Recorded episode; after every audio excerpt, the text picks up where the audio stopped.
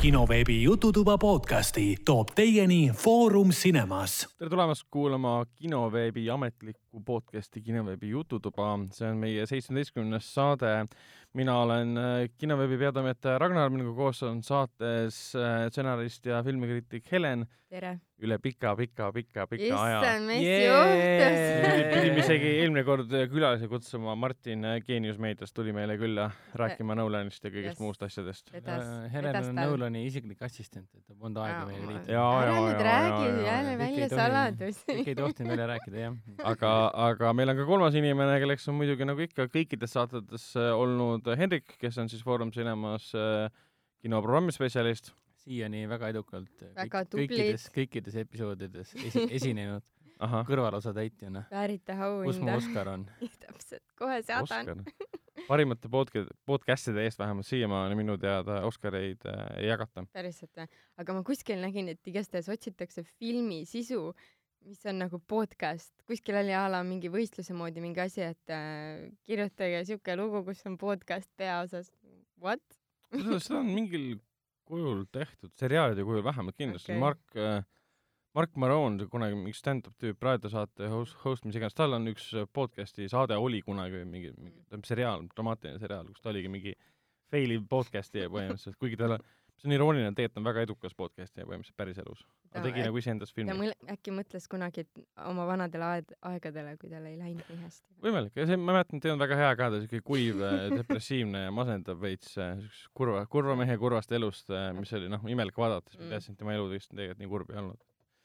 vot, aga öö, tutvustused, mis me veel mainime ära, et kõik öö, kinoveebi Jututoa saated on leitavad Delfi taskus, SoundCloudis, Apple podcastis, Spotify's, Google podcastis ja kõikides teistes podcasti rakendustes. Te võite meile alati kirjutada, joonistada, laulda, mis iganes, seda saab teha aadressil jututuba, et kinoveeb.ee. mm. -hmm. ja mina ootan eriti igast pilte, kes tahab joonistada, joonistage mulle. Helen ootab pilte. mul tuli siuke mõte praegu. Väga on-, tänapäeval on väga ohtlik siukest asja välja avalikult Noh. öelda, et ma ootan pilte. noh, loominguliselt palun olles väljendada ise, ennast. ise naisterahvas ka veel. et nad võiksid, okei, Noh, okei, aga lähme uudistega edasi. vau, aitäh sulle selle, selle eest, Anna. selle pildi eest.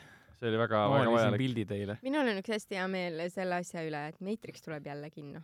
Selles Jaa. mõttes jälle, et ta oli HÖFFil alles hiljuti. ta oli aprilli lõpupoole Jah. nüüd äh, HÖFFil äh, suures saalis, aga see oli halb äh, tähendab, ta oli, film oli hea, kõik oli lahe, et see seal oli, aga seal oli umbes see, et kümme minutit film hilines, sest Blu-ray ei läinud tööle.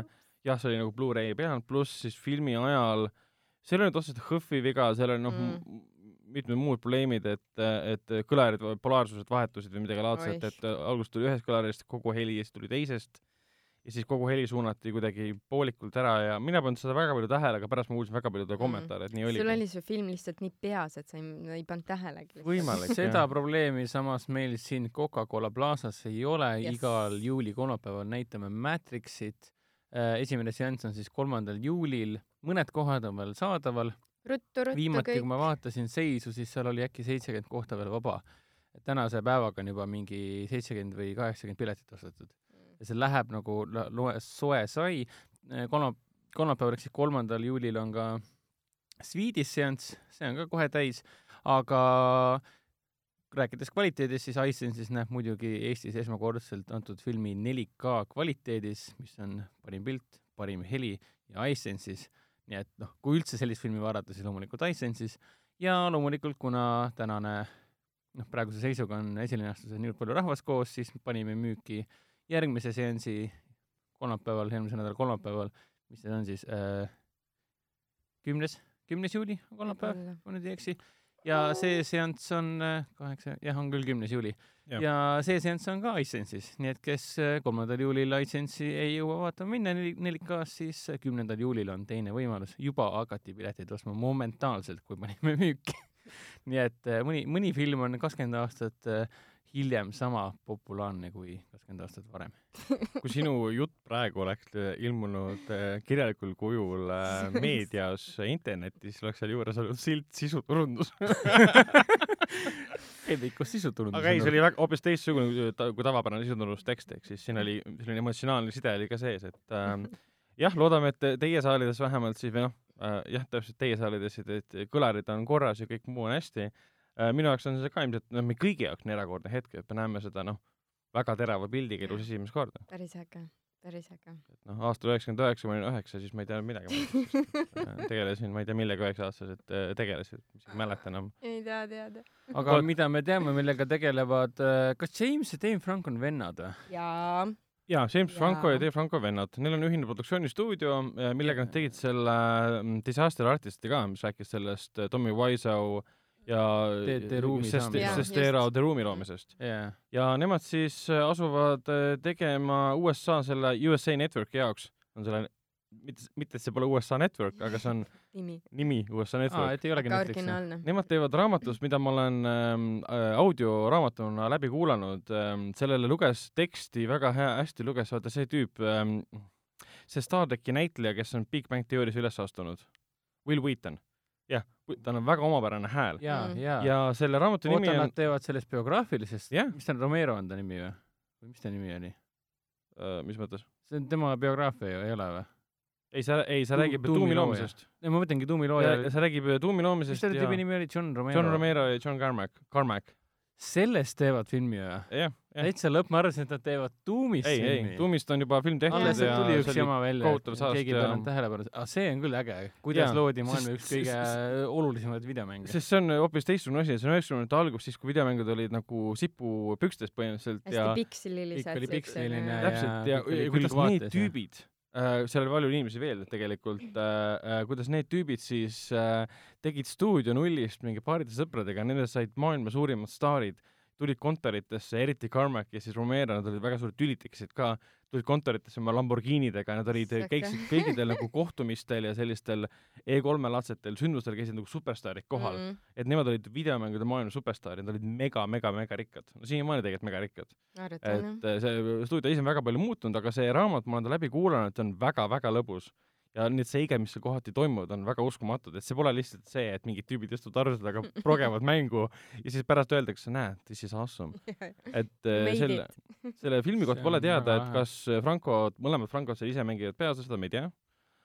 me teame ainult seda, et nemad asuvad seda tegema läbi sellesama stuudio, kes tegi siis ähm, Disaster, Disaster Artisti. see John Romero on väga spetsiifilise näoga, nii et tõenäoliselt äh, nad vist ei hakka teda kumbki neist mängima. Äh, Romero oli jah see, ma kelle ei kujuta ette, et ükski Frankodest hakkab Romerot mängima tal. olid kohutavad pikad siuksed, raamatus kirjeldati ka siuksed rõvedad juuksed, ehk siis hästi-hästi juuksed. Pikad juuksed, aga need olid siuksed täiesti siledad, vaata, mida Ja, sa ei pea kunagi ja, ja. kammima siuke heavy metal'i juuksed. ja ta meelega kandis seda kogu aeg, vahepeal just lasi, lasi maha ka, aga meelega kandis seda kogu aeg, sest ta nagu paistis silma, kandis mingi nahktagi ja sõitis Lamborghini ja oled Ferrari'ga ringi. jajah. et see on väga fun raamat, soovitan seda kuulata, see on minu arust, kui teete endale kasutaja sinna Audible'isse, siis esimene raamat on, või teine raamat on väga tasuta lahe, võtan ette. ja selle saab põhimõtteliselt ette võtta. Räägime ühest videomängust korraks veel, et Final Fantasy on üks ma- maailma, mitte maailma vanimaid, aga väga, väga populaarne ja ühtlasi ka vana seeria, millest siis Netflix ja Warner Brothers hakkavad seriaali tegema. võib öelda, et isegi täpselt sama oluline videomängu ajaloo seisukohalt kui Doom. no ütleme jah, et kui Final Fan-, Final Fantasy on pigem väga konkreetsele publikule, et Doom'i No, võivad mängida küll, kõik, aga- siis Final Fantasy on konkreetsele publikule. mängud on ikkagi mängutööstus täiesti tundmatuseni muutnud. ja see pole muidugi, see on noh, arusaadav, et seda teevad, sest selle taga on üks nendest stuudiotest, on sama stuudio, kes eh, hetkel teeb seda Netflixi jaoks seda Witcheri seriaali, Nõiduri seriaali, mis põhineb siis tegelikult mitte mängul, aga selles Andrei, Andrei Zapovski kaheksakümnendatel alguse saanud äh, romaaniseerial. ja selle põhjal Netflix praegu teeb, esimesed pildid tulid välja, Henry Cavill mängib siis mm Mhm. -hmm. peaosa, teised on suhteliselt tundmatud näitlejad, esimene poster oli väga uhke, mis ta on Äh, aasta lõpus peaks välja tulema juba? on kindel või? Minu vi- viimati oli see, et vist oli, lükati, esialgselt oli uuel aastal, aga siis tuli pauk ära, et ho- ho- hoopis juba sellel aastal tuleb välja. okei, okei. Viima-, viimane info vähemalt no oli see. võimalik, lihtsalt praegu tundub, et Netflix üritab oma nagu droonide mängu teha, et ei ole mm. niivõrd äh, suurt, noh, näiliselt suurt asja varem teinud uh,. kuigi siin on nii palju ohumärke minu jaoks, et need erinevad äh, võttefotod on lekkinud, kus kõik need kostüümid näevad väga odavad välja, et kui sa võrdled sellega, mida siis nagu Poola mängustuudio CD Projekt Red äh, tegi selle materjali põhjal, siis sa vaatad neid materjali, mis nüüd stuudios tehti, mingi, miks see kõik nii fake ja odav välja näeb. aga võib-olla see mingi placeholder kostüümid, ma ei ole kindel. tead, kõik see, mis on võteplatsil, on võteplatsil ja see, mis on ekraanil, on ekraanil. Et no need on, ootame see, selles mõttes huvitavad ajad, et võib-olla nagu Netflix on esimene, kes suudab tõestada, et nii-öelda videomänguga seotud materjal saab teha hea filmi. aa, see Kuigi- ei ole siiamaani kunagi paika pidanud no jah? Pokemon see Detective Aa, Pikachu okei, põhimõtteliselt nii. oli, aga Jah, lihtsalt see on ka äh, meie subjektiivne arvamus, sest Neid, neid äh, näiteid on niivõrd vähe, et Silent Hill oli äh, õnnestunud Mm. film, Pokemon oli õnnestunud film, aga rohkem nagu ei olegi õnnestunud filme. No universaalset acclaim'i on tõenäoliselt saanud äh, tõesti ainult praeguse seisuga aastal kaks tuhat üheksateist Pokemon. Detective Pikachu. aga Witcheri see, seriaal otseselt ei loe, sest see on ikkagi raamatu põhjal tehtud. et paljud äh, mängufännid hakkasid juba õiendama, et miks see teistsugune välja näeb.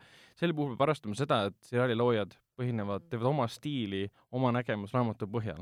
et üks raamat erinevad nägemused. Kuigi samas on see- okay. täiesti sada protsenti kindel, et nad võtavad vähemalt üheksakümne protsendi ulatuses kõik oma, oma visuaalsed äh, nii-öelda äh, sarnasused või visuaalse maailma nad ikkagi korjavad üles kuskilt mujalt mm Mhm. -hmm. kui äh, Wild Huntist, Witcheri kolmandast mängust, et see on ei kindlasti. kui, sul on nii suur ja levinud mäng olemas, siis on äh, loogiline, et sa äh, baseerud sellele samale pildile nii-öelda, et olla samasugune, et kõik Mm. tuleksid vaatama. sealt on ju pärit nii ikoonilised nagu äh, stiilid, kuidas äh, tegelased välja näevad, kuidas mingid asjad välja näevad, kuidas mingid kohad välja näevad ja nii edasi, et see on mingi asi, millest nad mööda vaadata ei saa, niikuinii pooled pole raamatut lugenudki seal no just noh, stuudios ja siis mängisid mängu, mõtlesid, et oo, see on lahe, teeme filmi. aga ei, noh, mingi kvaliteedimärk on, sest Henry Cavill on tegelikult äh, oluliselt suur, noh, suurem staar kui ma ei tea, see äh, Poola, Poola seriaal, mis kunagi tehti Witcheri põhjal. ma ei tea sellest. lol, ma olen seda veits see vaadanud oli. kaks tuhat alguses tehtud, ma vaatasin veits veits kummaline asi oli. väga odav, väga halb, ma ei suutnud lõpuni vaadata, see rikkus kogu minu mälestuse Witcherist ära. Lähme edasi, lähme edasi äh, koomiksifilmidega, sest äh, me oleme siin rääkinud Nicolas Winding Refnist ja tema seriaalist, mis on praegu Amazonis ähm, Too Old To Die Young ja hiljuti siis ühe, ühe intervjuu käigus äh, Refn ise ütles ka, et tal oleks midagi selle vastu, kui ta saaks lavastada Batgirli filmi, et mida äh, ühel hetkel pidigi lavastama Joss Whedon. jah, aga ta sellest, sellest siis loobus. Ja ta ütles ka, et tal on tegelikult, tal pole seda probleemi, et ta ei tahaks lavastada Nii. Hollywoodi filme, talle Aga- meeldib see Hollywoodi see kitsch, glamuur mm Mhm. -hmm. ja kõik see um,, tal on ka mitu projekti olnud, millega ta on tegelenud, aga see lõpus ta on aru saanud, et see pole minu asi, et ma ei suuda Mhm. seda ikkagi teha. olgugi, et tema filmides on Hollywoodi staarid. siis nüüd ta ütles jah, ta on valmis seda tegema ja temaga ongi sel teemal nagu räägitud ja ta ütles, ta teab, kes on siis Batgirli rolli valitud. juba välja valitud Jah. Aga me ei Okei. tea, kes see on, sest me teame, et Elizabeth Kirbist vahepeal räägiti. Elizabeth Kirby on siis see näitleja, kes mängis äh, Mission Impossible Falloutis ähm,. seda ühte neiut, kes andis koos Tom Cruise'iga peksa erinevatele tegelastele klubis. Vanessa Kirby. või Vanessa Kirby, jah, jaa täpselt., see, kes on nüüd ka Hobbs and Shaw filmis. jah, mängib kellegi õde, oota, kelle ta Jah, mängis. see ei ole spoiler, ta on äh, Shaw õde. jah, siitkohalt hoiatus, ärge ühtegi Hobbs and Shaw treilerit äh, vaadake, kui te ei ole juba vaadanud. Kui olete vaadanud vähemalt ühte, ärge teisi ka vaadata. vaadake, need on kõik nii spoilerdavad, et ma ei saa aru, mida stuudio praegu mõtleb. Nad annavad kogu sisu põhimõtteliselt ära. äkki seal ei ole lihtsalt ei no kui üldse vaadata, siis tasub äh, minna vaatafilmi.ee või siis foorumcinemas.ee ja seal on olemas äh, kolme ja poole minutiline eestikeelse subtiitritega treiler, mis on juba tükk aega tagasi välja tulnud ja see treiler ei anna sisu kohta mitte midagi ära, aga on äh, täpselt selline treiler, mis annab mõista, et jah, seda peab vaatama minema. No on- ma saan sellest aru, ma nägin, et see uus tuli välja, aga see on äh, liiga spoiler ja seda ei ole mõtet vaadata, et noh, sa ei vaata filme Youtube'i kaudu, sellist filmi küll mitte. Aga igati päris huvitav, kui Rehv äh, lavastaks äh, oma, oma stiilis siis äh, Batgirli filmi, mida ma elu sees ei usu, et ma kujutan ette jah, et Hollywood ütleb, et tee meile üks äge blockbuster, aga tema teeb mingi psühhoseksuaalse sürreaalse värvide mängu, kus keegi ei saa täpselt aru, mis toimub. no võtame arvesse, et tegemist on režissööriga, kes tegi filmi, kus modellid üksteist sõid. Jah, nagu päriselt sõid. kuigi, kuigi ta tegi ka Drive'i, mis oli väga see oli kõvasti parem. commercial nii-öelda. ehk siis ta teeb. Batgirli filmi, kus peategelane kordagi eh, väga palju ei räägi, sõidab ringi. tõenäoliselt- nagu. tõenäoliselt mängib, tõenäoliselt mängib Batgirli Ryan Gosling. või Mai-, või Miles Teller. Nii, Ähm, lähme lähme edasi jaa, täpselt jah, jällegi Warner Brothersi koomiks äh, The Batman, sellest on siis nüüd äh, film tulemas. Matt Reaves on see režissöör ja Robert Pattinson mängib seal muidugi siis äh, Batman'i. kindel või? jaa, see on fakt Okei., see on täiesti See on fakt. juba kinnitatud, kivisse raiutud, okei, okei. Helen, kus sa elanud oled? ei no mina ei tea, kord räägitakse ühte, kord räägitakse ei, teist see, ma ei viitsi enam teada Äh, eelmisel kuul tuli ametlik teade mm.. äh,. jah, oli vist, jah, eelmisel kuul täpselt ja, ja Pattinson on praegu siis Eestis ka, et kui Mhm. keegi kuidagi, kuidagimoodi õnnestub temaga intervjuu teha, sel teemal temaga rääkida, et kas sa oled juba stsenaariumit lugenud või kas sa valmistud juba ühe võtte, ühel võttel olles teiseks ette või kuidas see kõik käib? aga Batman peaks siis välja tulema aastal kaks tuhat kakskümmend üks ja käivad juba jutud ka, et seesama Vanessa Kirby Hobbs and Shaw'st ja Mission Impossible Falloutist äh, mängib ka seal Batmanis. jah, see käis läbi, jah.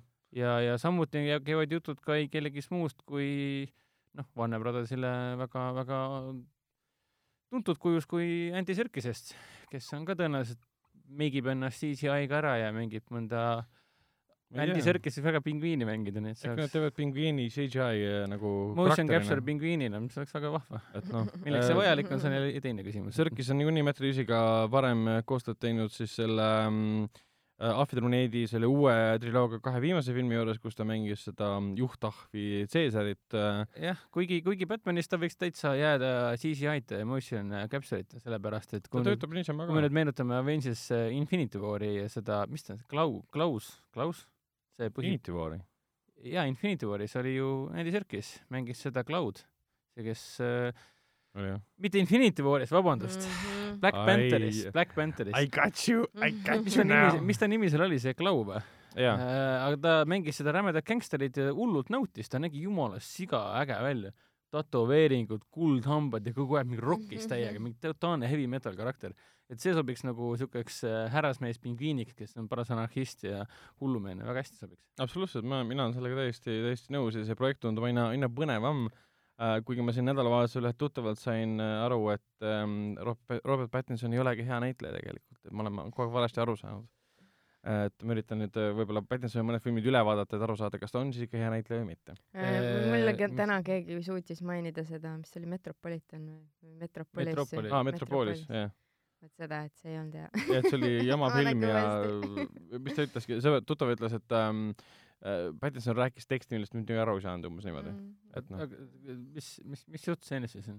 on ta, mis asja, kes see, kes see rääkis? ei, see ei Minagi pole üldse oluline, aga mina nagu? mina olen selle poolt, et äh, Pattinson on suurepärane näitleja, kes on oma meelest juba ära, ära tõestanud. absoluutselt ja kes on ennast ammu, ammu-ammu ära tõestanud, on ei keegi muu kui Joaquin Phoenix, Joaquin Phoenix. Joaquin Phoenix, kes nüüd oktoobris hakkab möllama ei kellegi muuga, muuna kui Batman'i põhivaenlasena Jokkerina omaenda filmis pealkirjaga Jokker. jah, Ja- ja väidetavalt see siis äh, kuulutajate tasandil äh, linastub Veneetsia filmifestivalil Mm. ja tundub, et Warner Brothers tahab sellele niisugust Oscar push'i panna, sest eelmisel aastal linastus seal ka ju A Star is Born, millest sai kõva Oscari film. et võib-olla tõesti nad on, kuna nad Comic-Conile ei lähe, Warner Brothers, nad ei hakka seal filmi näitama, nad ei, paneeliga püsti ei pane, mitte midagi ei pane, siis võib-olla nad teavad midagi, mida meie ei tea ja siis Jokeri film ongi nii pagana hea. et siis see tõesti toob Oscari võib-olla Phoenixile või siis Todd Phillipsile või üldse filmile endale. nojah, praeguse materjali põhjal me ju näeme ja justkui nagu sisimas justkui teame, et see Jokeri film on äh, noh, unlike anything we have seen before äh,, mis puudutab superkanglaste filme, sest ta tundub olevat lihtsalt film noir, millel pole superkanglaste mitte midagi pistmist.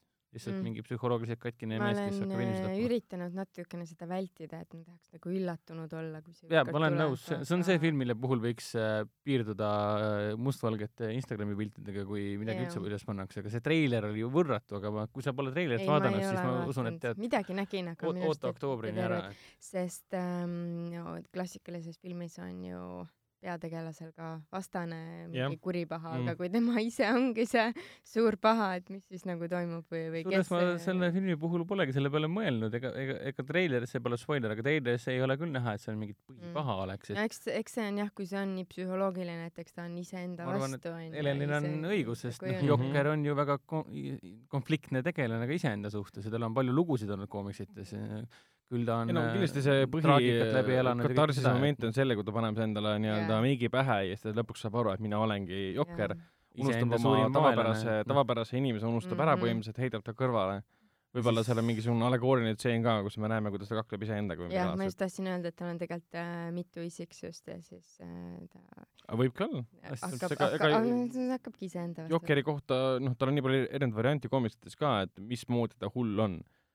Et keegi, ma ei tea, kas tal on mingit psühhoanalüüsi üldse tehtud äh, komiksites või mitte, et mi-, mismoodi ta on hull, võib-olla tõesti panevad sinna kaheksakümne isiksus sisse, kuidas, kuidas filmi äh, teatud hetkel ta tapab oma siis selle Mhm. nõrgema isiksuse nii-öelda ära. siin on, siin on palju versioone, et ma siin nädalavahetusel olin Rahvaraamatus ja äh, reklaam äh,, vaatasin, vaatasin Batman'i komikseid seal ja üks oli, mis oli, Batman White Knight vist või? ja päris huvitav Jah. kontseptsioon, et mis juhtuks siis, kui äh, Jokker oleks äh, terve, Jokker oleks terveks ravitud ja, ja temast saab niisugune totaalne eeskuju äh, Gothami linnas ja ta, temast saab suur inimene, keda kõik austavad ja kiidavad ja ta on väga-väga intelligentne ja võimas inimene, kes põhimõtteliselt siis hakkab tegelema sellega, et äh, Batmanist on vaja lahti saada. lahti saada sellepärast, et äh, Batman on lihtsalt äh, jõhkard ja vägivaldne ja mingi, mingi must pimeduse rüütel, et ei ole vaja sellist asja, et siis me oleme ikkagi tsiviliseeritud riik. väga põnev kontseptsioon, et kui Jokker läbi lööb, siis ma tahaks Mm. mm. näha, millal tuleb noh, Jokker, siis tuleb The Batman Pattinsoniga, siis tuleb kindlasti Jokker ja Batmani film ka. või siis Batmani põhipaha ongi, ongi, ongi Joaquin Phoenix. Oleks veelgi imelikum. mm,. jah. nii, räägime ühest asjast, mida ma tean, et on äh, väga tähtsal kohal Hendriku südames, selleks on Neil Gaiman ja tema Sandman. sest sina oled. Sandmani erinevalt meist nagu lugenud ka. olen, olen nimelt lugenud äh, hakatakse nüüd äh, Warner Brothersi ja siis Netflixi koostöös tegema Sandmani põhjal äh, eepilist äh,, eepilist seriaali. täpselt nii ja mina olen nagu väga erutatud, sest äh, jälle nii erutatud, aga Neil Gaimani ei, mul on tuttav domeeni küll, et me kasutame parasiitsõnu ja venna puhul või Hendriku puhul on selleks erutatud. ja mulle parasiitsõnad meeldivad, parasiit, parasiidi, parasiiti. millal parasiit ise linastub nüüd Äh, vist oli üksteist, kaksteist juuli midagi, Juba sõpruses äh, ja jah. Artises, jaa, juba Sõpruses. järgmine nädal. rääkides parasiitidest, aga Neil Gaimi, Gaimani Sandman on tõesti, ma olen vist äkki kaheksa volli läbi lugenud äkki, kaheksa numbrit äkki, on nii vist. korralikult või? Ja see on ikkagi noh, küllaltki raske nagu lugemine, sest ta on graaf- kaheksa volli nagu mitmest? palju neid üldse kokku on? tead, ma peast praegu ei mäleta, ma olen järjest neid lugenud, aga ta ei ole mingi see lihtne lugemine, selles mõttes ta on väga sürreaalne, ta on väga äh, nagu raske mm, -hmm. ta Mhm. nõuab ikkagi keskendumist, et ta on küll graafiline romaan ja kõike seda, aga sa pead nagu keskenduma reaalselt, et, et sulle mõte kohale jõuaks ja mõnda mm. -hmm. mõnda volli, et enamik volli võib rahulikult uuesti läbi lugeda. et, et ja see on väga põnev äh, fantaasiareaalsus, mille Keimer on äh, kokku pannud. põhimõtteliselt selline põrgu, põrgu ja taeva vaheline võitlus käib seal kogu aeg ja kõik need iidsed, iidsed jumalused, kes eksisteerivad inimeste keskel ja ta on väga vägivaldne, väga psühholoogiline, groteskne, Mm. rõve. ta on selline sünge, sünge, sünge asi nii-öelda. nagu hard, hard nagu R-reitinguga siis? Pigem jah, ta on ikka väga hardcore ja mul on väga hea meel, et nad lõpuks sellest, sellest asja ära teevad, et American Gods'i ma ei ole siiamaani vaadanud ma olen esimese hooaja mingid kolm osa, ja see uus sari tuli ka, mis selle nimi nüüd Good oligi? Omens. Good Omens, ma Aa, pole jaa, seda ka jõudnud vaadata. see on see, mis ta põhines siis tema ja siis Terry Pratchetti lugu, lool jah., jah. Pratchett oli see tuntud kirjanik, kes kirjutas kõik need kettamaailma lood ja need lahedad asjad, jah. Millest No. ma pole kunagi midagi lugenud. Sandmani Õige. me oleme siin varem ka maininud, sest äh, Sandmanist on ju pärit äh, Luciferi tegelane, kes siis jaa, omaenda, omaenda sarjas Jaa,, jaa, teie lemmiksarjas ringi jookseb. täpselt, täpselt. ja, ja Sandman ju esialgu üldse loodi Vertigo koomiksite alt, aga ta oli noh, DC koomiksite alt tegelikult alguses, alguses nagu telliti Gaimanilt äh, uus äh, superkangelane, uus selline kangelaslik tegelane nii-öelda, antikangelane või superkangelane või supervillen ja nii edasi, aga tulemus oli see, et selleks praeguseks ajaks on sündinud sellest täiesti eraldiseisev üksus nimega Sandman. et see on tegelikult paras äh, frantsiis, millest on kõike võimalik teha. aga ma loodan, et nad ei, ei, lähe mingit lihtsat teed pidi, et lihtsalt teevad mingisugust sirgjoonelist asja, kus siis peategelaseks on sihuke David Bowie looking äh,, emo David Bowie looking äh, Mhm. Sandman, kes on alati hästi tark, hästi rahulik ja hästi äge ja nii edasi. ma ei saa aru, kuidas see David Bowie siia puutub. ta näeb, ta näeb nagu David Bowie välja. aa, okei. see ongi ju sihilikult nii tehtud või Äh, ma olen lugenud küll selle kohta, võimalik, et oligi nii mõeldud. mm.? umbes nii nagu Konstantin, John Konstantin tehti Mm. Stingi põhjal. Sting? Sting, oli esialgu blond, aga kuna Keanu Reaves, Keanu Reaves äh, jah. valgete peaosas, ta jäeti brünetiks. või no mitte brünett, mustade juustega, jah. Väga imelik. ja ei, Konst- nagu Konstantin ei ole musta peaga midagi pistmist ja tumedate riietega, et ta on alati mingi Hawaii särgis ringi jooksnud. kusjuures nüüd Keanu Reavesi nagu Keanu. populaarsusega seoses on hakatud jälle rääkima Konstantini filmist, et see on ikkagi väga hea no tegelikult. sürpriis, on, on, sürpriis. mul on eluaeg see Ei meeldib no, mulle ka. point on selles, et see kadus ju täielikku nagu õhevikku, kriitikutele see ei meeldinud, see ei teeni eriti palju. Ma olen seda hiljuti ka uuesti vaadanud, see on siiamaani üllatavalt jõhker kas film. see oli veel Netflixis või? mingi aeg ta oli, ma pidin aa, vaatama, aga ma. ma pean- ma teen Netflixi. kontrolli. sest see oli Aga jah nii äge, need maa, kahe maailma vahel ja, ja siis äh, inimese hinge mm, keerulised ähm, ei ole. ei ole jah lennu jah. et, et, et, et mida sa siis valid, et kuidas, no jälle see, et kuidas me iseennast hävitame ja, ja siis, et mida sa see tahad oli saada nagu ja lihtne lugu, aga samas Mm. nagu toimis ülihästi ja see oli nii nagu, kuidas nüüd öelda, julge ja badass Jaa, film, et selle asemel, et filmi lõpus teha mingi eepiline ja, ja, ja täpselt. seal on lihtsalt, ära kuidas spoilerda igaks juhuks, keegi äkki ei ole näinud ja noh, see on vaata, vaatamist ma toon, välja selle lihtsalt, et nagu seal on lihtsalt li- äh, paiknevad näitlejad nagu siis Peter Stormare ja siis Keanu Reaves ja Tilda Swinton. Ja seal on nendevaheline võitlus, aga see võitlus pole üldse selline, nagu Mm. sa arvad Jaa, komiksifilmilt see film nagu. oli paras siuke anti-Hollywood, et ta ei läinud suureks, vaid ta Mm. keskendus atmosfäärile, ta keskendus Mm. sellele, kui, kui kuradi halvasti on kõik John Constantini jaoks. ja selle kopsuvähki suremas, köhib kogu aeg, kogu aeg. seal on legendaarsed need stseenid ka sees, kaadris sees, sees, kus ta siis äh, teeb suitsu ja siis Mm. tal on äh, siis tal on see kopsuvähk ja siis Mm. tal on äh,, istub kodus joob ja, ja siis ta on just klaasi tühjaks joonud, tuleb ämblik ja siis ta paneb talle klaasi peale, puhub sinna tossu sisse ja ütleb welcome to my world. niisugune omal- kuiv, kuiv niisugune huumor selline. omal ajal ma olin sellest nii sisse võetud, et ma tahtsin, ma tahtsin ka John Constantine olla. Ja Äge. ma väiksen selle filmi ära vaatasin, siis ma läksin ka koju, hakkasin kassi, võtsin kassi sülle, vaatasin talle pikalt silma, et viib mind teist Ma poole olen aa jaa, seal oli see ju, ta võtab kassi kätte, õigus jah. ja siis see vanniminek ka. kui sa vaatad vanni pikalt pikalt hull. otsa, siis sa saad põrgusse minna. ja siis muidugi see soundtrack ka koos äh, Perfect Circle'iga ja see loo nimi- ei, ei, ei olnud ei, Imagine. oot, oot, oot, Passive.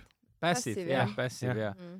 see on lege film, et väga tore, kui tänu John Wickile ja kõigele muule Marveli juttudele siis see, see on see Re-, Resurgence nii-öelda Keanu Reavesi äh, filmograafiale ärkavad ellu ja Jah. vast- varsti on kinoklassikas jälle, et aga uuesti, uuesti ülesäratamisest rääkides, siis Disney jätkab endiselt oma vanade asjade üles soojendamisega. Neist eh, nüüd eh, kõige uuem tuleb nüüd üheksateist juuli eh, kinodesse, see on siis Lõvikuningas, Ah, millele siis Box Office Mojo ennustab juba vaikselt saja viiekümne miljoni suuruse avangut eh, USA-s siis. et see oleks umbes, mis see oli, ma ei mäleta, mis see võrdlus oli välja toodud, umbes sama hea avang kui Kapten Marvelil umbes Mm. midagi laadset. aga Disneyst veel rääkides, siis äh, nad teevad praegu väiksest merenitsist ka filmi ja tahavad selle Ursula, selle kuri kuri merenõid või kuidas teda Mm. nimetati. oli ju see kaheksa oleks seal või? Eh, Jah, jah, jah, täpselt jah.. peaosa tahavad siis, selles osa tähendab, tahavad saada siis äh, Melissa McCarthy't Mm. makes, makes sense. normaalne Jah.. ja filmi siis äh, asub ma paneks Rebel lavastama Wilsoni, aga okei okay.. eh, filmi asub lavastama, on lavastamas Rob Marshall, kes on Mm. Vau. siis äh, see mees, kes on tegelikult pigem tuntud muusikalide poolest ei tea. äh,. kas mitte Chicago polnud tema oma aa, okei. ja mm, Nines vist oli Daniel, Daniel Day-Lewisega oli tema oma ähm,. ja no viimati ta tegi selle Mary Poppinsi ka ju. jah, Mary Poppins Returns Mm. just. see Emil jah, Blantiga, Emily täpselt. Blantiga, jah. et äh, pluss see Oscari film Memories of Geisha on tema oma ja õigus ei jah see oli Ron Howardi oma. ei olnud. oli Rob Marshall või? jaa, kogu elu elanud teadmisega. Memories of Geisha on Rob Marshall, mitte Ron Howard. okei, mõlemad R-iga algavad. õigus, Rob Marshall lavastas ju selle neljanda Kariibi mere piraadika. ai, see on kui halb see oli. see, selle filmiga seoses ei tule küll midagi mis meelde. see lava pealkiri nüüd oli, Võõrastel vetel või? jaa, On Stranger Tides. nii. Penelope Cruz ja Ian McShane ja Meri- seal ka Meri Neitsid ju vaata, tema karjääris on ikkagi need ühenduvad elemendid, et ta nägi seal Meri Neitsit äh, oma ühes filmis ja nüüd teeb sellest ja ta ei saanud piisavalt käsitleda seda, et aga, siis aga rääkides, rääkides asjadest, mis ei ole halvad ja on hoopis äh, Netflix ja Mike Flanagan, siis on rõõmustav teade, et äh, Victoria Peretti, kes tegi siis äh, House on the Haunting Hill, Haunting of Hill House. Haunting of Hill House, see on nii, ma olen mõnikord sassi lihtsalt. Ehk siis Victoria Peretti, kes tegi seal selle südantlõõstava rolli, kelle pärast mina ka terve hooaja lihtsalt valasin pisaraid, siis Mm. fucking traagiline seriaal lihtsalt, kohutav lihtsalt. tahan seda uuesti vaadata. tema siis hakkab mängima ka teises hooajas ja teise hoo- hooaja alapealkiri on siis äh, mitte On- alapealkiri, see ongi lihtsalt. no jah, no okei okay, jaa, kuna esimene oli siis Hill House, siis järgmine on Bly Manor, Haunting jah of, Bly see enam Manor. ei põhine siis Ei Shirley Jacksoni romaanil, et see on lihtsalt see uus on lugu üks, see on üks uus äh, Henry Jamesi äh, romaan on see tegelikult nimega Turn of the Screw. see on siis selle, selle põhjal tehtud. mm. -hmm. ja see tuleb järgmine aasta ja siis, siis äh, Victoria Pedretti on, Pedretti on siis selle seriaali peaosas. jah, ja Mike Flanagan on ju tagasi täiesti. Ta pole kuskile kadunudki muidugi. hämmastav, palju see mees tööd saab nagu selles mõttes, ta tegi Netflixi hittseriaali, mida kõik armastavad ja siiamaani teevad videoanalüüse, siis ta teeb teist hooaega, siis sügisel tuleb see doktor Sleep. Doctor Sleep Stephen Kingi hiilguse järg äh, filmi näol ja siis nüüd kuulutati välja ka järgmine asi, mida ta teeb Netflixi jaoks, selle nimetus oli Midnight Mass jah.. ja, ja, ja, ja tüüp on, tüübist on saamas järgmine horror, horror-kunn nii-öelda, kõlab hästi. et see on väga, väga äge. et aga mis on veel äge, on Paul Rudd. Või noh, kes on veel äge, on Paul Rudd. ja ei, Paul Äh,, Paul keda- on selle mitte ämblikmehe, sipelgamehena päris tore. meeldiva välimuse ja olekuga tüüp, keda sa oled võib-olla mingi aeg harjunud nägema. Sõprades. sõp- oh, jaa, Jaa, õigus, Sõprades. jaa. kas ta oli Phoebe see Jaa, boyfriend, kes tahtis temaga abielluda Jaa, lõpus ja just. siis äh, ei saanud, sest see teadlane oli ei, ei, seal läks kõik hästi, no problemos. abiellus ikka lõpus või? aa, ma ei mäletagi enam. Paul on. Paul Raad on jah, see alati see, justkui see seltskonnas see tüüp, kes on alati kuskil nagu äh, teeb äh, nalju, et peita enda sisemist äh, ebakindlust ja valu ja sisemist valu. ja siis ta on mingi armuvalus kellegi järgi ja siis millest sa on- räägid, endast räägid? ei no Paul Raddi tegelaskujud on alati sellised, et on niisugune sly guy, aga samas nagu ma olen deeply intellektuaal ja on tahan olla, tahan olla tore inimene. komöödia, sellepärast nii lögad ongi. aga selle, noh, ta ongi tegelikult tuntud rohkem nende romantiliste äh, komöödiate poolest, nüüd viimasel ajal muidugi Marveli filmide poolest tänu Mm, jaa, siis noh, äh. Sipelgamees ja mis see teine osa oli, Sipelgamees ja Vapsik või? jah, jah. Mhm. ja siis nüüd ta oli muidugi Infinity Waris, ei Infinity Waris ta polnud muidugi, ta oli lõppmängus. ja nüüd ta on Aga siis miks me- miks me üldse räägime, Paul? Jah, palgati palgati mingisuguse õpetaja rolli äh, järgmisesse tondipüüdjate filmi. Ja see on siis nüüd ametlikult kolmas tondipüüdjate film. ikka üritavad ja üritavad ja Äh, üritavad. ta on järg nagu alg-, alg-, on ta on järg algupärastele filmidele. et režissöör Jason Reitman, kes on Ivan Reitmani poeg, Ivan Reitman oli see, kes kõige esimesed kaks mm -hmm. Mhm. siis tondipüüdjad lavastas, kus oli Bill Murray ja Harold Ramis. Mhm. Ähm, see on siis järg aastal kaks tuhat, Dan Aykroyd ka ära, teda unustada. Millal ta tuleb nüüd, kaks tuhat kakskümmend, jah, kaks 2020 tuhat kakskümmend tuleb filmi välja nimi ongi praegu Ghostbusters kaks tuhat kakskümmend. Ja, ja see on väga originaalne. siin paljud muidugi kommenteerisid ka, et eh, kuidas te, kuidas te saate teha järgmise filmi, et võtta arvesse seda jah, Sony oma, mis kaks tuhat kuus, nagu. jah, kes selle, sellega oli lihtsalt McCarthy ja, ja ma ei mäleta Kate. McKinnon ja, aga kuna see film oli halb ja ta ei teeninud väga korralikult, siis äh, algupärased loojad mõtlesid, et me teeme täiesti uue filmi mm.. uh,, mis on järg ja toome tagasi enamuse vanadest näitlejatest, kõiki ei saa kutsuda, sest uh, mõned neist on surnud uh,. aga Bill, Bill Murray ja Dan Aykroyd on ikkagi elus ja Harald Ramis on jah meie hulgast juba kahjuks, kahjuks lahkunud. seal mängib kaasa veel lisaks siis Paul Ruddile on seal, tuleb ka Ernie Hudson mängima, kes mängis seal seda viimast liiget, kes liitus nendega esimeses filmis ja jaa, siis Sigourney Weaver mängib ka Mm. um,. lisaks on seal need noortest näitlejatest Stranger Thingsi äh, staar äh, Finn, Stranger Thingsi ja Iti staar Finn Wolfhard jah, Stranger Thingsi kolmas aeg alustab nüüd ja, neljandal juulil. ja noor äh, andekas näitlejanna McKenna Grace ja Carrie Coon on ka veel täitsa lõpp. Gary Coon on muidugi see suurepärane näitleja, keda me oleme näinud nii äh, David Fincheri Gone Girlis kui ja ka Leftoversi seriaalist. täpselt, täpselt, täpselt. et see on kõik põnevad ajad on meis ootamas ähm,. Räägime viimase asjana taaskord äh, Batmanist, aga hoopis äh, teisest, teisest vaatenurgast. nimelt äh, lekkisid vahepeal siis äh, infod, infod selle kohta, et see esimene Batmani film, kus Michael Keaton mängis ja mida siis ähm, see mulle meeldis, Kim Basinger oli see täpselt Kim Basinger ja mida Tim, Tim Burton lavastas mm.. mm.. just, Äh, just, just, just. stsenarist äh, Sam Hamm äh, kuna äh, jaa, ei ta- okei, okei. perekonnanimi on kaks M-i, Sam Hamm äh,. rääkis, et kuna nüüd filmil on, need lastakse, lastakse USA-s uuesti kinodesse kolmekümnenda aastapäeva puhul ja tema rääkis sellest, et esialgu tahet-, tahtis stuudio, et seda Michael Keatoni asemel mängiks hoopis Steven Seagal aga see oli siis, tuletan meelde, tuhat üheksasada kaheksakümmend üheksa. see ei tähenda ikkagi see kaal nagu mingi äh, kandiline hello, how are you doing? Kim Basinger, you are so hot. mõmm-mõmm-mõmm.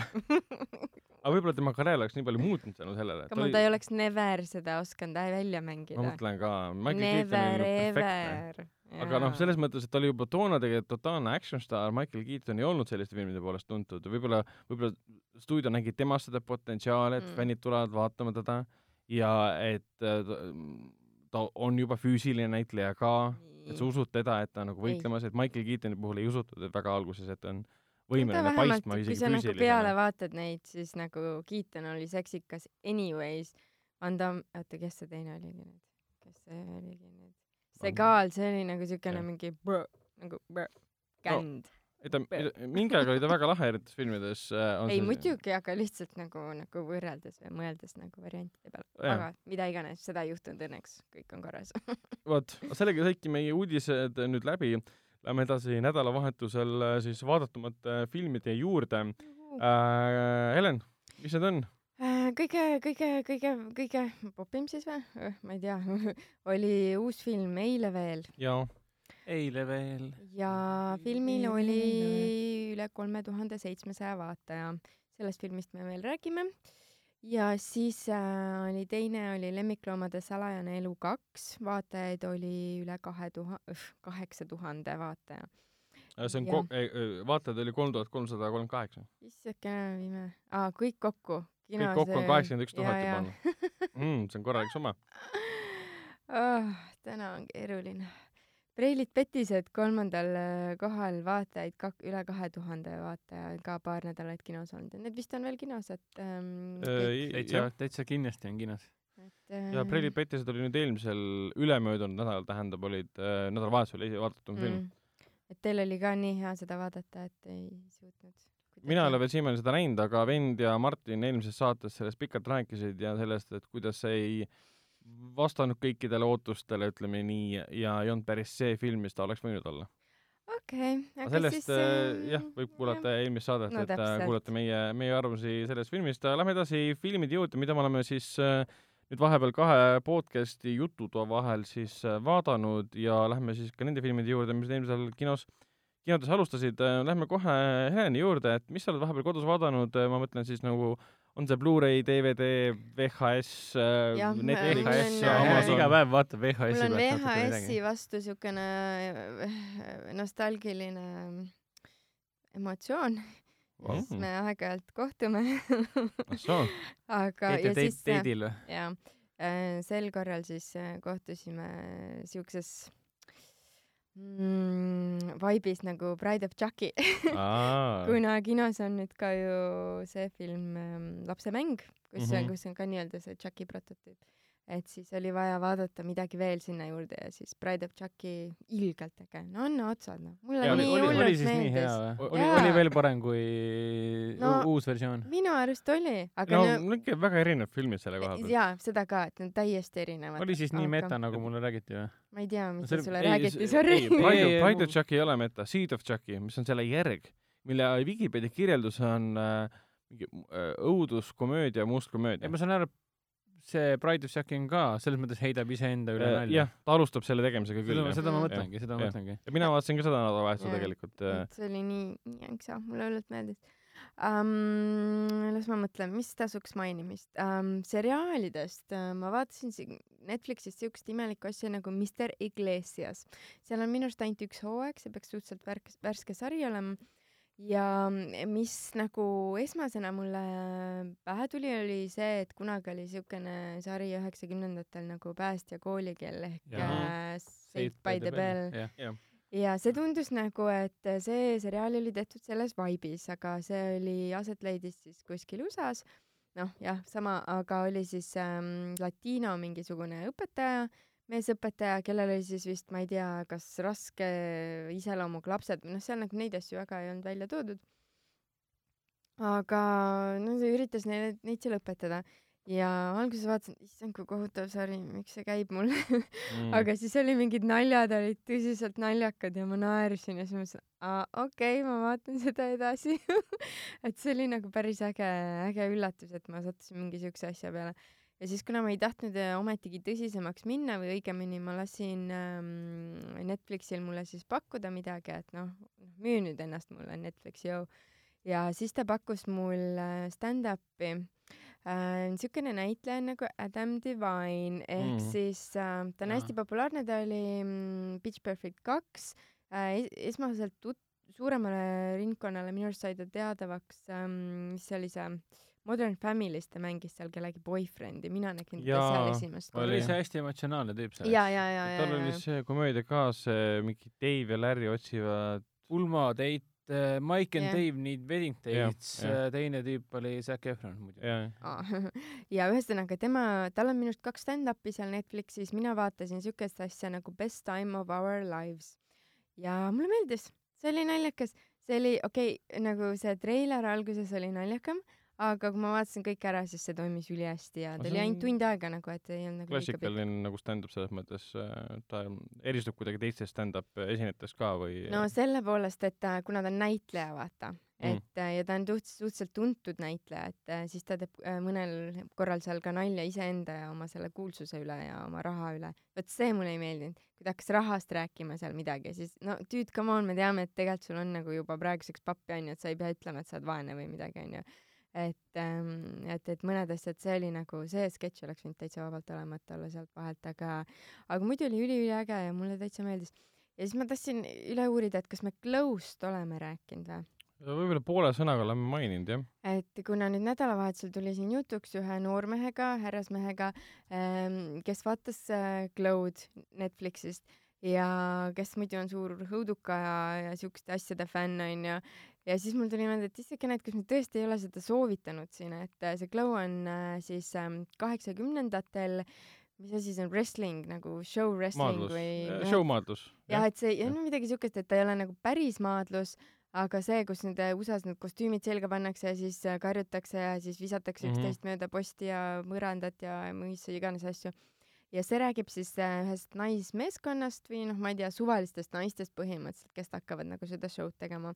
Ja see oli ka päris naljakas ja seal on äh, draamaliine, ilusad naised on minu arust peaosas väga äge on vaadata, kuidas nad neid äh, hü- hüppeid ja, ja trikke harjutavad seal, et see on üliüliäge sari ja sellele mis tal on teine hooaeg nüüd või? kaks hooaega on olemas ja kolmas hooaeg tuleb minu arust sügisel. kas on see mingi Las Vegas või midagi? ja, ja et ja, nad noh, neil läheb nagu ikkagi hästi, et siis nad nagu liiguvad edasi show maailmas ja väga-väga soovitan, see on Ja- väga-väga vinge sari. ma ise vaatasin ka seda, ta jäi mul pooleli erinevatel põhjustel esimene hooaeg, aga noh, kuna Alison Brie on nii lahe Jah, näitleja minu arust jah. tänu äh, Community, Community nimelisele Mm. seriaalile, mis on ka Amazonis olemas, siis see on nagu kohustuslik asi, mida vaadata.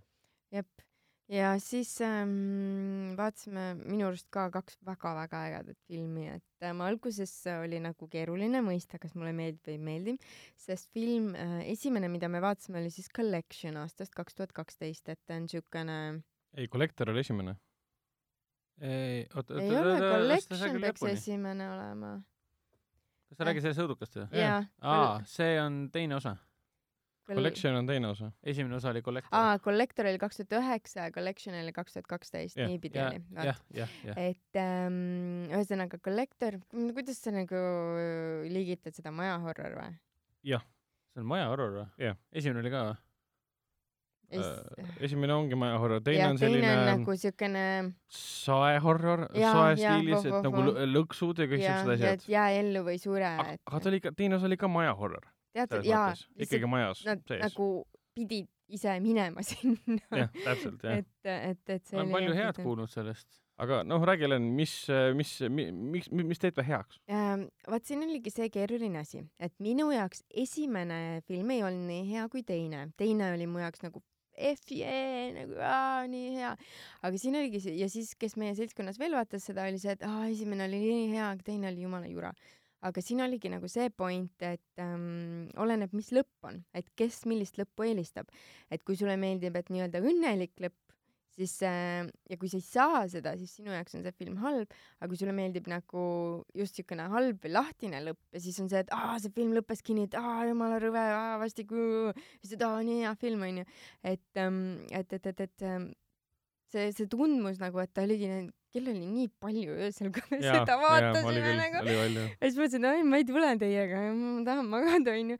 aga ei saa, no see film, hakkad vaatama, vaatama, seal on nii vähe tegelasi ja, ja see pinge on hästi meeletu ja, ja siis kõik see, kuidas nagu need ähm, agressorid on üles ehitatud ja kuidas siis see peategelane, noh, ta võib-olla küll tundub halb, aga ta peab lõpuks, keegi on temast veel tuhat korda halvem nagu, et kuidas ellu jääda ja, ja keda siis pöördeid on ka. ja, ja neid ikka, no Aga mitte seda- nüüd mingi et- see megameeletuid, seeria on ikkagi niisugune üllatavalt omapärane slasher või? no ta, ta võtab selle maja horrori asja mm, mm. -hmm. -hmm. kuna maja horrorit tegelikult seostatakse ju ikkagi vaimudega Aa, ähm,, okei. võtab maja horrori ja siis sarimõrvari teema Mhm. maja see, maja siis slasher. või midagi laadset ja pöörab selle mõnes mõttes pea peale. mm.. ja vägivalda, verd on ikka Jah. rohkem kui väga lahe, kümne ma peaksin ära vaatama. kindlasti, kindlasti, kindlasti. kui palju selle filmi kohta öelda võime, et see on umbes tehtud selles võtmes, et ähm, äh, mis oleks, kui sinu peategelane ei ole oh-, sarimõrvari ohver ega, ega isegi mitte sarimõrvar, aga ta satub peale tema tegevusele. Mm. kuidas käituksid sina või, või kuidas, kuidas sa lahendaksid selle olukorra? ja nende filmidega on muidugi see, et äh, kindlasti tasub kahte vaadata, et mina tegelikult ise mõtlesin, et ma teist ei vaata, et ah, et see esimene oli nagu ää, onju, aga siis mõtlesin, okei okay,, et äh, annan pool tundi aega, kui, kui ei toimi, siis ma lähen ära. aga ma vaatasin teda, seda ja see oli äge, see oli tõsiselt äge, ta oli, ta oli väga vaimukas äh,, nii-öelda tark võib-olla, et ei olnud siukest tunnet, et, et kuule, fuck, kuidas sa nii loll saad olla, kus sa lähed, mis sa teed, onju. vot seda tõesti ei olnud, seda ja see, momenti. see oli nagu kõige parem, et tavaliselt filmide puhul, kui sa nagu ühe korra juba näed ära seda, et issand, kui tutu ta on, et siis nagu juba, juba kaob see pinge ja filmi ja, vaatamise rütm kaob ära. Aga kuna seal seda hetke ei tulnud, et ah noh, pluss äh, nii see peategelane ka, et alguses vaatad, et mis selle näitleja nimi oligi nüüd. ma nime ei mäleta, aga see on see tüüp, kes mängis Dark Knight Risesi alguses, kes ütles selle CIA agendile Ah, Josh Stewart, ja et me tõime doktor Paveli, et me seda See- see, Pane'i ei kes, see, saanud. kes Eneka tegi alguses, ohverdas ennast. jaa, et Ja have, have you started the fire? Have you started the fire? Yes, the fire has started. has started. Die my friend. ühesõnaga, kui sa vaatad teda nagu terve öö läbi, siis siis on päris hea olla hommikuks tal, tal, ta, tema eelis on see, et tal on väga huvitavad silmad ja, ja nägu välimus on ja- väga sümpaatne. pluss on nagu kujutatud teda päriselt selles rollis ette ka, kus Mhm. ta aga on. ta mängib siis killerit või? ei, ei, mis asja okay., mis küsimus see on, ega me ei vastu vasta sulle seda. ta ei mängi otseselt head karakterit, aga see ongi see suur üllatus, et keda ta tegelikult siis Mhm, mängib ja mis jah, roll tal filmis on- ma vaatan, et sõltumata sellest, et ta USA kinodes väga palju ei teeninud teine osa siis ja kriitikutele väga nagu ei meeldinud ka nii väga, aga äh, maikuu seisuga seesama näitleja, Josh Stewart ütles ka, et äh, kolmas osa on täitsa täitsa planeerimisel ja, jah. ja selle nimi hakkab olema The Collected. Ma ei julge mõeldagi, ma The tõesti ei julge The. Collection, The Collected. et see, see võib väga käest ära oota, mis see minna eestikeelne pealkirjas siis on? Koguja. või? ja oli isegi, ta oli Eest, mingi osa oli isegi Eestis kuskil No, kollektsioneeritav.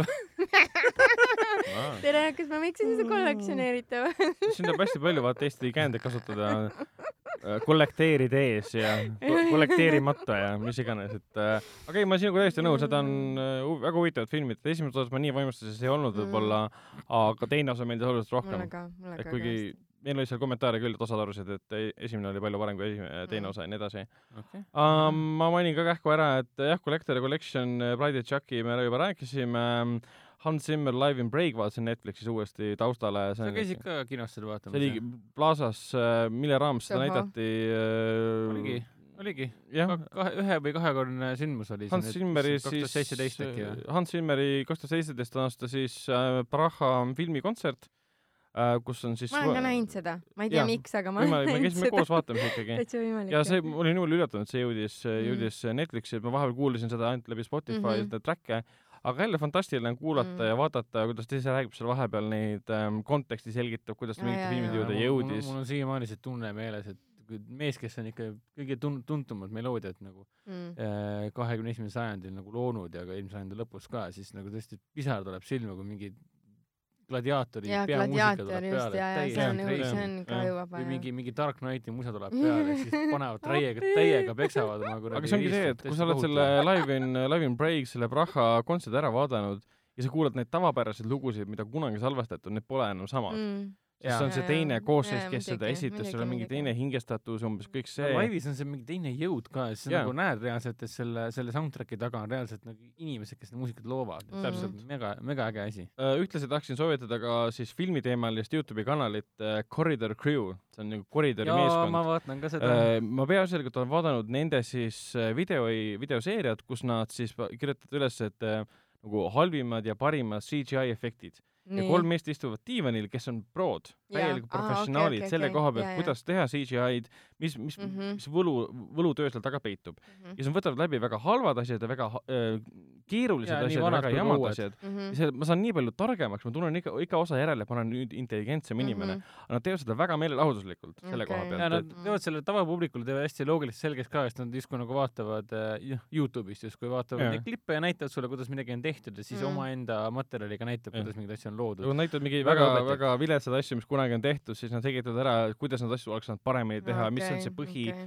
äh, probleem, kui sa vaatad tänapäevaselt action stseene Mm. või siis CGI võitlusstseene, miks need asjad ei tööta, selgitavad ära kõik need pisikesed elemendid jaa, see on, see on, kindlasti tuleb seda vaadata igal, igal, igal filmihuvilisel. uh,. ühtlasi siis viimasena vaatasin ära selle uue Shafti filmi, mis tuli No siis nii. Netflixi, kus siis Samuel L Jackson mängib äh, Shafti ja seal on tema poeg Jah, äh, JJ jah. ehk siis ma Shaft. kaalusin seda. Ah. Ma ma aru, et, kaalusin, ma saan aru, ma- et täna, tänapäeva lumehelbekesed ja kõik, kes on vähegi äh, socially conscious ja social justice warriorid, siis äh, väga vihkavad seda filmi, sest see on väga äh, ropp ja mitte tänapäevale kohane. vihkamisest ma ei tea mitte midagi. ma olen lugenud, päris paljud vihkavad seda selle eest, et ta on selline film, nagu ta on, ehk siis ta Aga- üld- üldse ei hooli tänapäeva kontekstist. aga kui palju Ei. sa seda soovitad või saab no Shaftidest ma olen näinud seda eelmist ainult, mida siis, kus Samuel Jackson esimest korda oli aa, peas. sa Mm. seda Shaft Goes to Africat polegi näinud? ei ole. See kõlab nii halvasti. ei, see on päris, see on kolmas osa algupärasel. ja point ongi selles, et see film toob kokku kolm generatsiooni siis Shafte. on see Aa, algupärane okei, Shaft, okei. kes seitsmekümnendatel selles Black Mhm. Exploitation filmides osales, siis on see uus Shaft, kes on siis Samuel Jackson ja siis tema poeg nii-öelda, kes on nagu noorema põlvkonna jaoks mõeldud. ja ei, ta on fun, mulle ta meeldis. oli naljakas ka ikka, jah ta on naljakas puhtalt Samuel. Jacksoni pärast, sest ta on lihtsalt niivõrd, kuidas nüüd öelda, otsekohene, mm. ta ei saa, ta ei ole nagu vana inimene, kes ei saa asjadest jaa, aru. just ta on vana inimene, kes saab väga hästi asjadest aru, teda lihtsalt ei huvita mm.. äh, tänapäeva maailmas äh, sisse kujunenud äh, reeglid ja soovitused, kuidas peaks keegi nüüd äh, kedagi nimetama või umbes okay. niimoodi. ja kui vend nüüd Hendrik nüüd mainib seda, et inimesed on solvunud selle filmi peale, siis mm -hmm. Mhm. ma veits nagu mõistan seda Mm. mm.. Uh, mulle ta isiklikult meeldis. ta oli fun, ta oli lõbus uh,, roppusi oli piisavalt palju uh,, kolme siukest Shafti koos inimesi Mm. mm. tapmas vaadata oli ka tore. Ja huumor keegi, töötab keegi tegelikult kunagi viga ei saa, sest Mm, mm, kolm okay. võimsat musta meest lähevad mööda tänavat, kannavad kõik niisugust helepruuni jakki põhimõtteliselt, kõik autod jäävad seisma nende ees, need lähevad, annavad pahadele tuupi. okei. et selles mõttes, et äh, jah, miks mitte, kõige cool. kummastavam asi oli see, et filmi režissöör on Tim, mis ta oli, Tim Story uh,. sama tüüp, kes tegi selle ähm, Fantastic, Fantastic Fouri esimese ja vist teise tegi ka. okei. et ma ootasin halvimat sellest, et Mm. tänu sellele. aga ei, täitsa, täitsa okei okay film oli. Mm. Tuligi vist ainult Netflixi ja USA-s ta kukkus selle koha pealt läbi, et ta oli niikuinii limiteeritud väljalase. no see, see lihtsalt kui ma seda lugesin siis see tutvustus ei tundunud nagu väga imponeeriv. Aga no okei okay,, kui ta on ok, siis, siis no on kui esimest Shafti praegu kahjuks Netflixis pole, et kui oleks, siis soovitaks selle enne ära vaadata.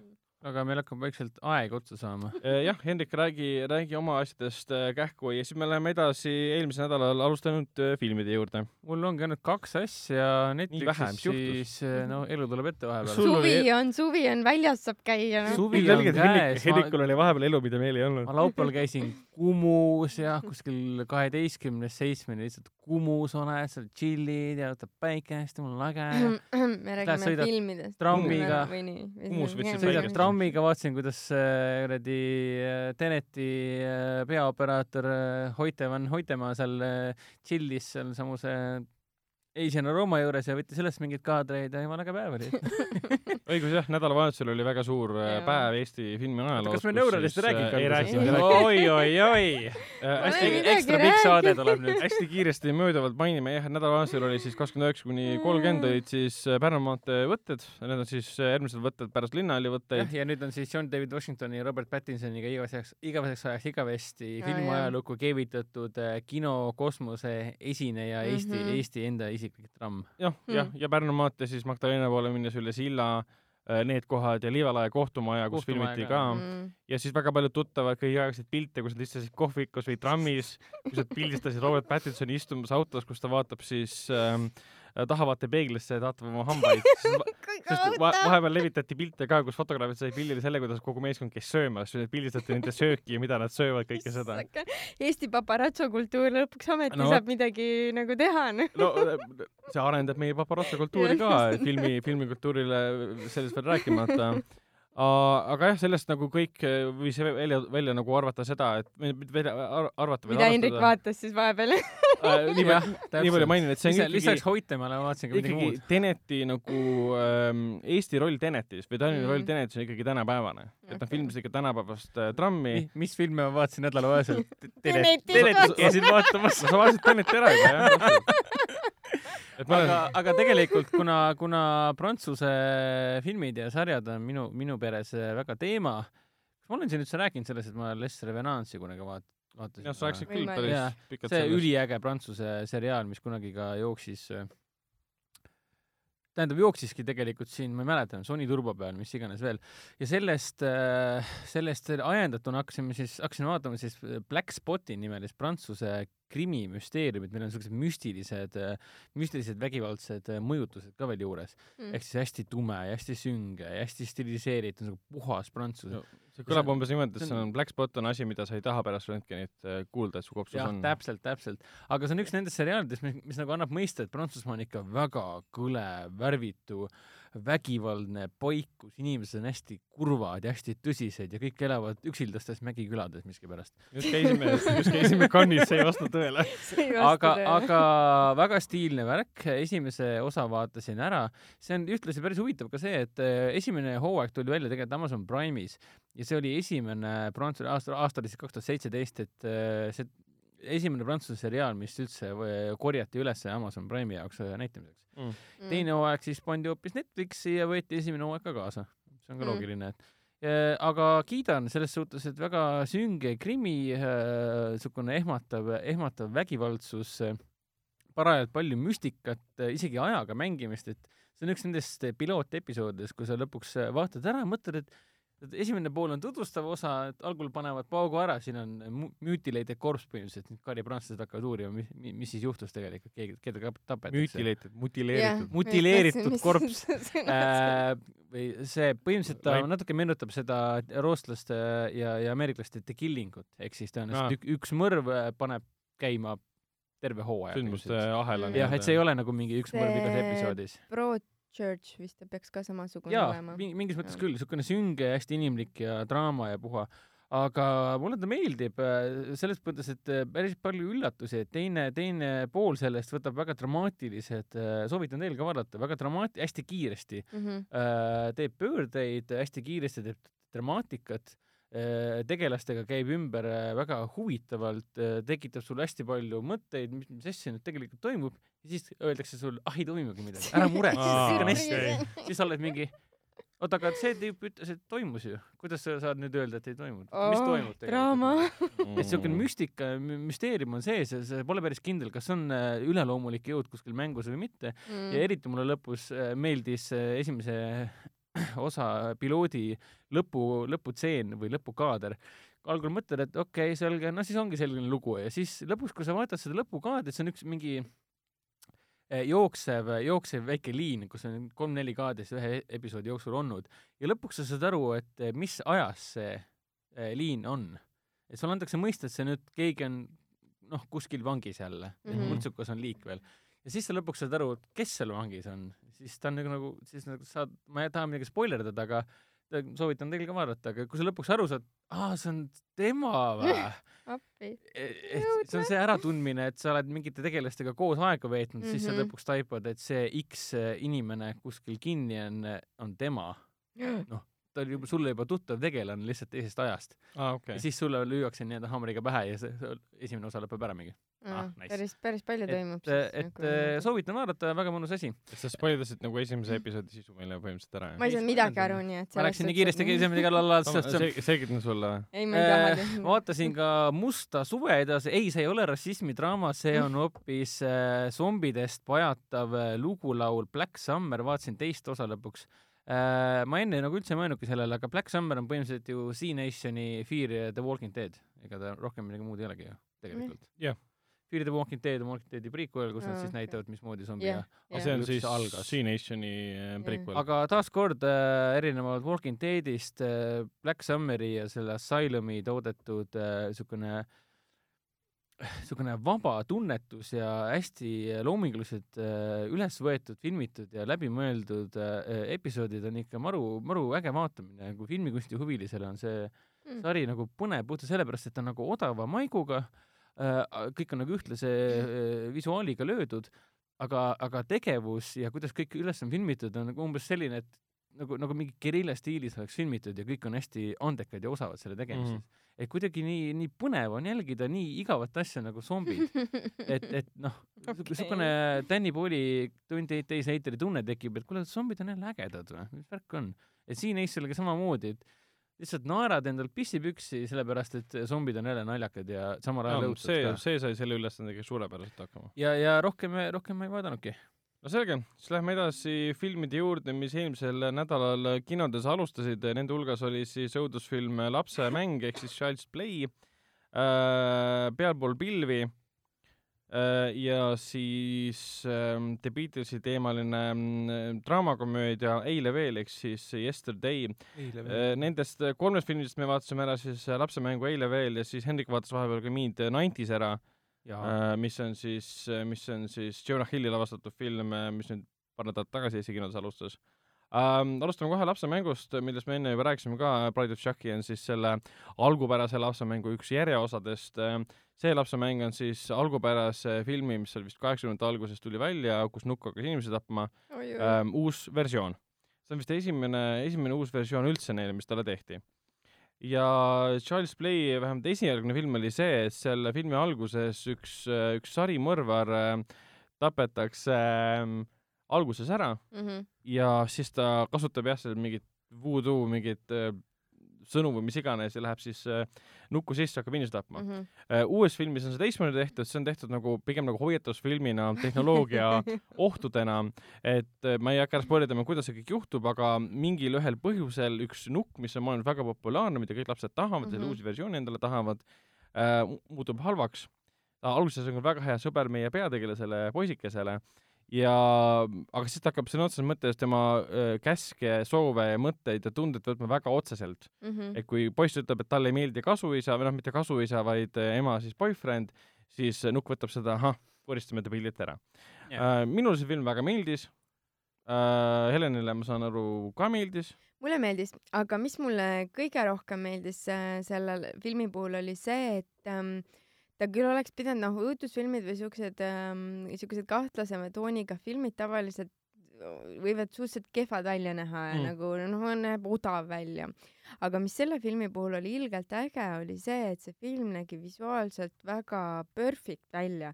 igasugused valgused, värvid, kaadrid, kadreeringud, kõik asjad olid nii kunstiliselt tehtud ja nii vingelt, et ähm, et sa vaatasid seda nagu, nagu kunstiteost, et noh, selle sisu poolega on jah see, et ähm, kuidas kellelegi meeldib, et kui noh, mõnele ei meeldi nukud peaosas onju või, või kellele ei meeldi veristamine onju, et siis on võib-olla raske seda filmi vaadata. aga üldjoontes see pilt ja visuaalne stiil oli hästi-hästi vinge, et ähm, iseenesest oli ka jah, väga huvitav äh, seisukoht võetud, et kuidas äh, see, see nukk siis sel korral oma ähm, toimetusi ja tegevusi siis ähm, mööda linna ringi ajab. jah, et võib öelda küll, et päris äh, ütleme nii, et äh, tänapäevasele kohaselt väga loogiliselt ja kuidagi loomulikult äh, üle kolitud nii-öelda aastasse kaks tuhat üheksateist, et see on ikkagi, mis ta oli, kaheksakümne kuuenda aasta film, mille Mhm. põhjal ta on tegelikult tehtud, sellel on juba mingi seitse või kaheksa osa tehtud. Neil on hästi palju neid, noh nagu Bride of Chucky ja kõik need siuksed Pride of Chucky, Jah. Seed of Chucky, Child of Chucky. see on siis otseselt nagu esimene osa uus versioon, aga pigem on ta nagu reboot või noh, ta on ikka remake selles mõttes. aga, aga toimib kuigi ta lõppes küll niimoodi, et uus, uus seeria on sündinud. ja, ja ka hea meelega vaataksin, et tõesti, et kui, kui teile meeldivad äh, siuksed mõnusa feelinguga Mhm. kaheksakümnendate äh, otsekohesed äh,, otsekohese huumori ja vägivallaga ja siuksed parajalt napakad äh, slasherid, õudusfilmid, kus mingid, mingid mänguasjad, mis Mhm. iganes võid, võid välja mõelda, võtavad senti-, muutuvad siis teadlikuks, hakkavad tapma ja nii edasi, siis, siis see, on teile perfektne valik, et Child's Play on ülimalt, ülimalt, ma võin öelda küll, et minu jaoks nagu suu-, suure südamega tehtud äh, kaheksakümnendate, kaheksakümnendate stiilis õudukas, et siuke Mm. tunne, et keegi võttis lihtsalt kaheksakümnendate laost, Mhm. võttis endale koopia, et kuule, teeme sellest 4K remake'i nüüd. mitte ainult, vaid tõelise asja armastaja poolt tehtud ja ka., ja Jaa, see oli nagu väga nagu hästi terve kõik. filmi aja said irvitada, eriti just eriti just on ta suur silmakomm äh, üldse mingi äh, suur, suur armastus äh,, armastusavaldus siis kui kõikidele fännidele, kes on elus ikkagi palju vaadanud igasuguseid neid referentse oli päris palju. äh,. jaa, et kui, kui Leprechauni referents oli ka. Jaa, et kui sulle tänapäeva väga- õudukad väga ei istu, kõik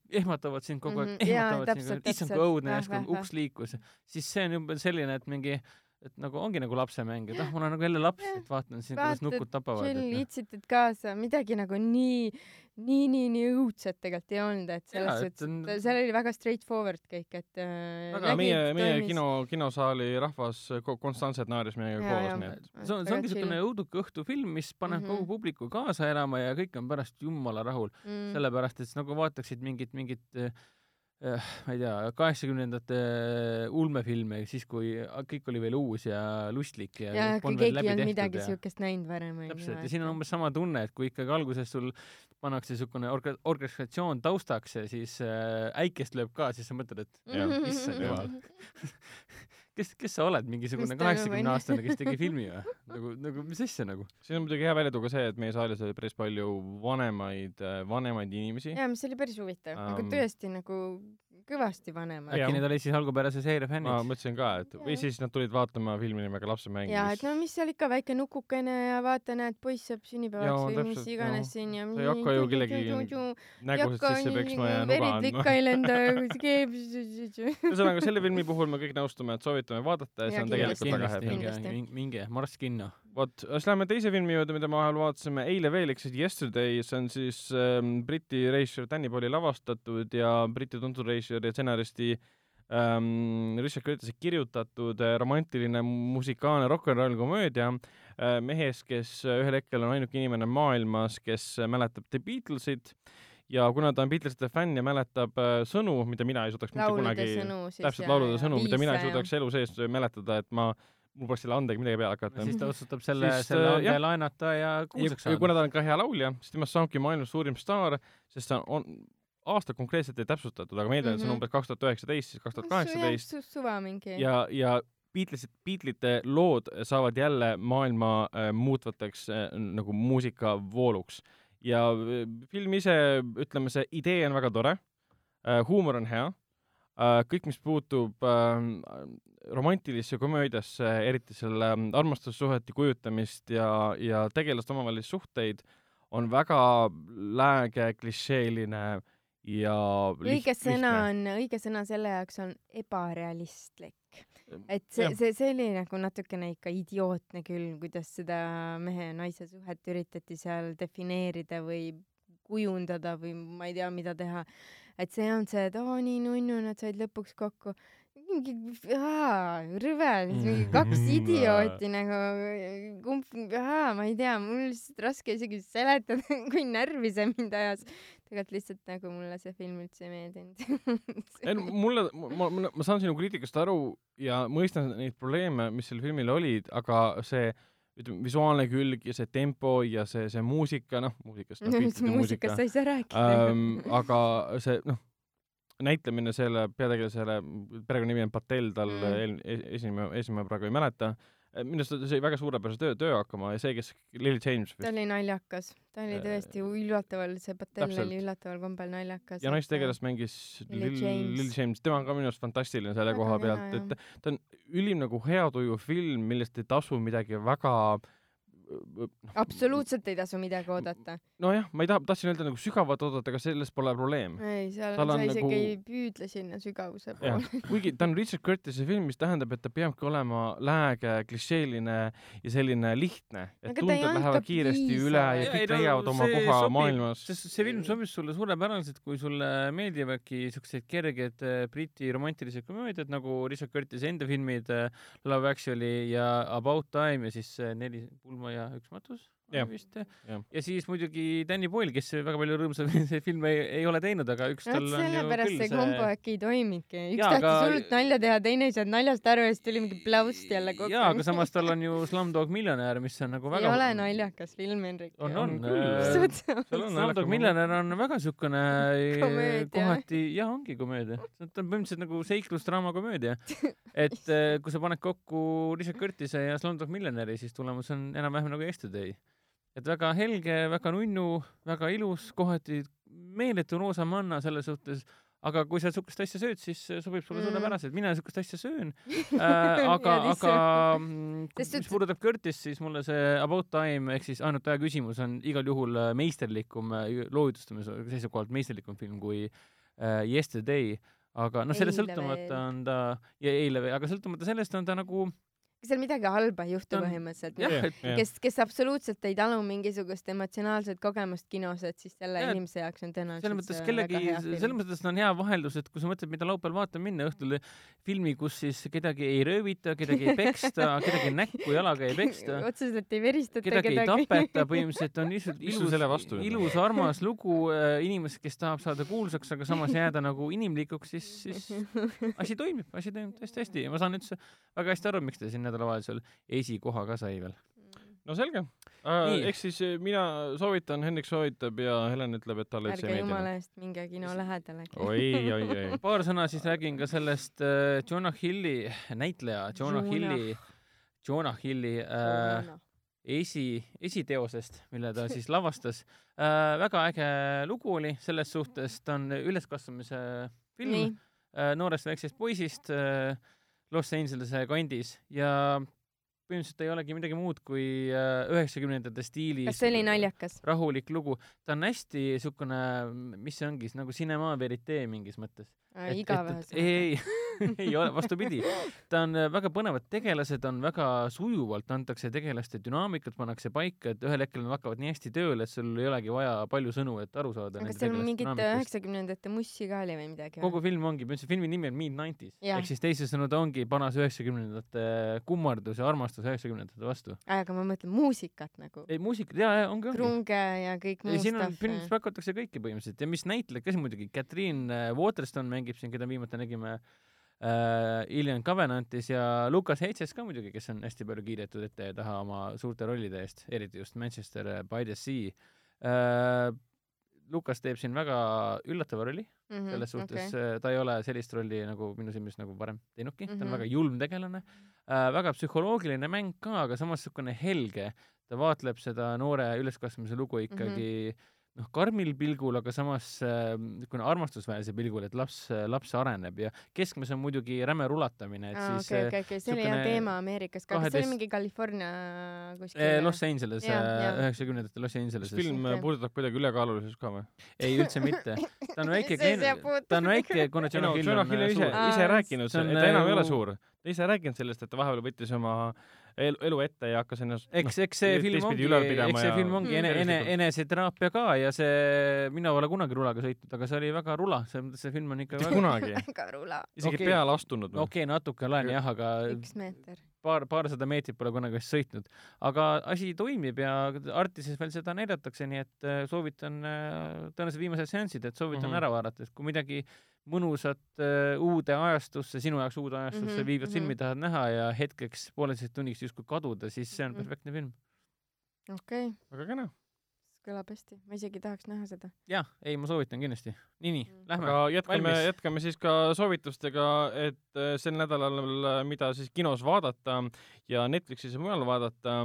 me juba Matrixist rääkisime, et mm. -hmm. iga, igal juulikuu äh, kolmapäeval saab seda Coca-Cola Plazas äh, näha, aga sel nädalal alustavad kinodes ka siis äh, Sabaga spioon, õudusfilm Jaanipäev, mida me kõik räigelt ootame.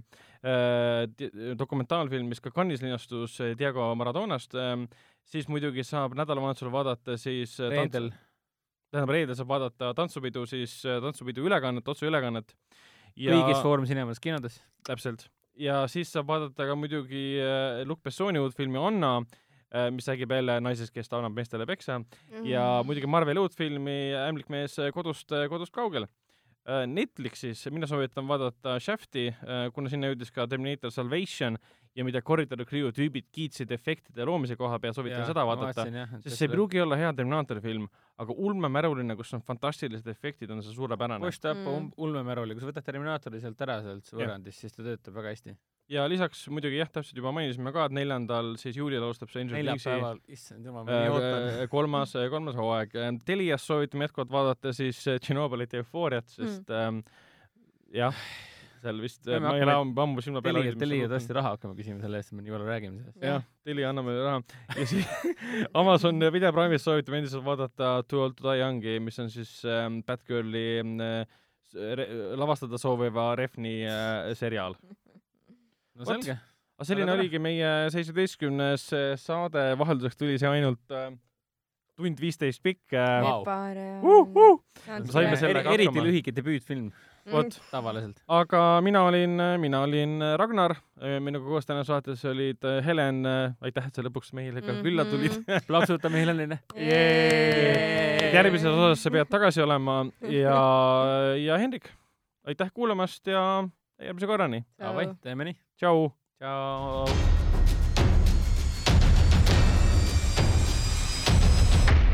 kinoveebi Jututuba podcasti toob teieni Foorum Cinemas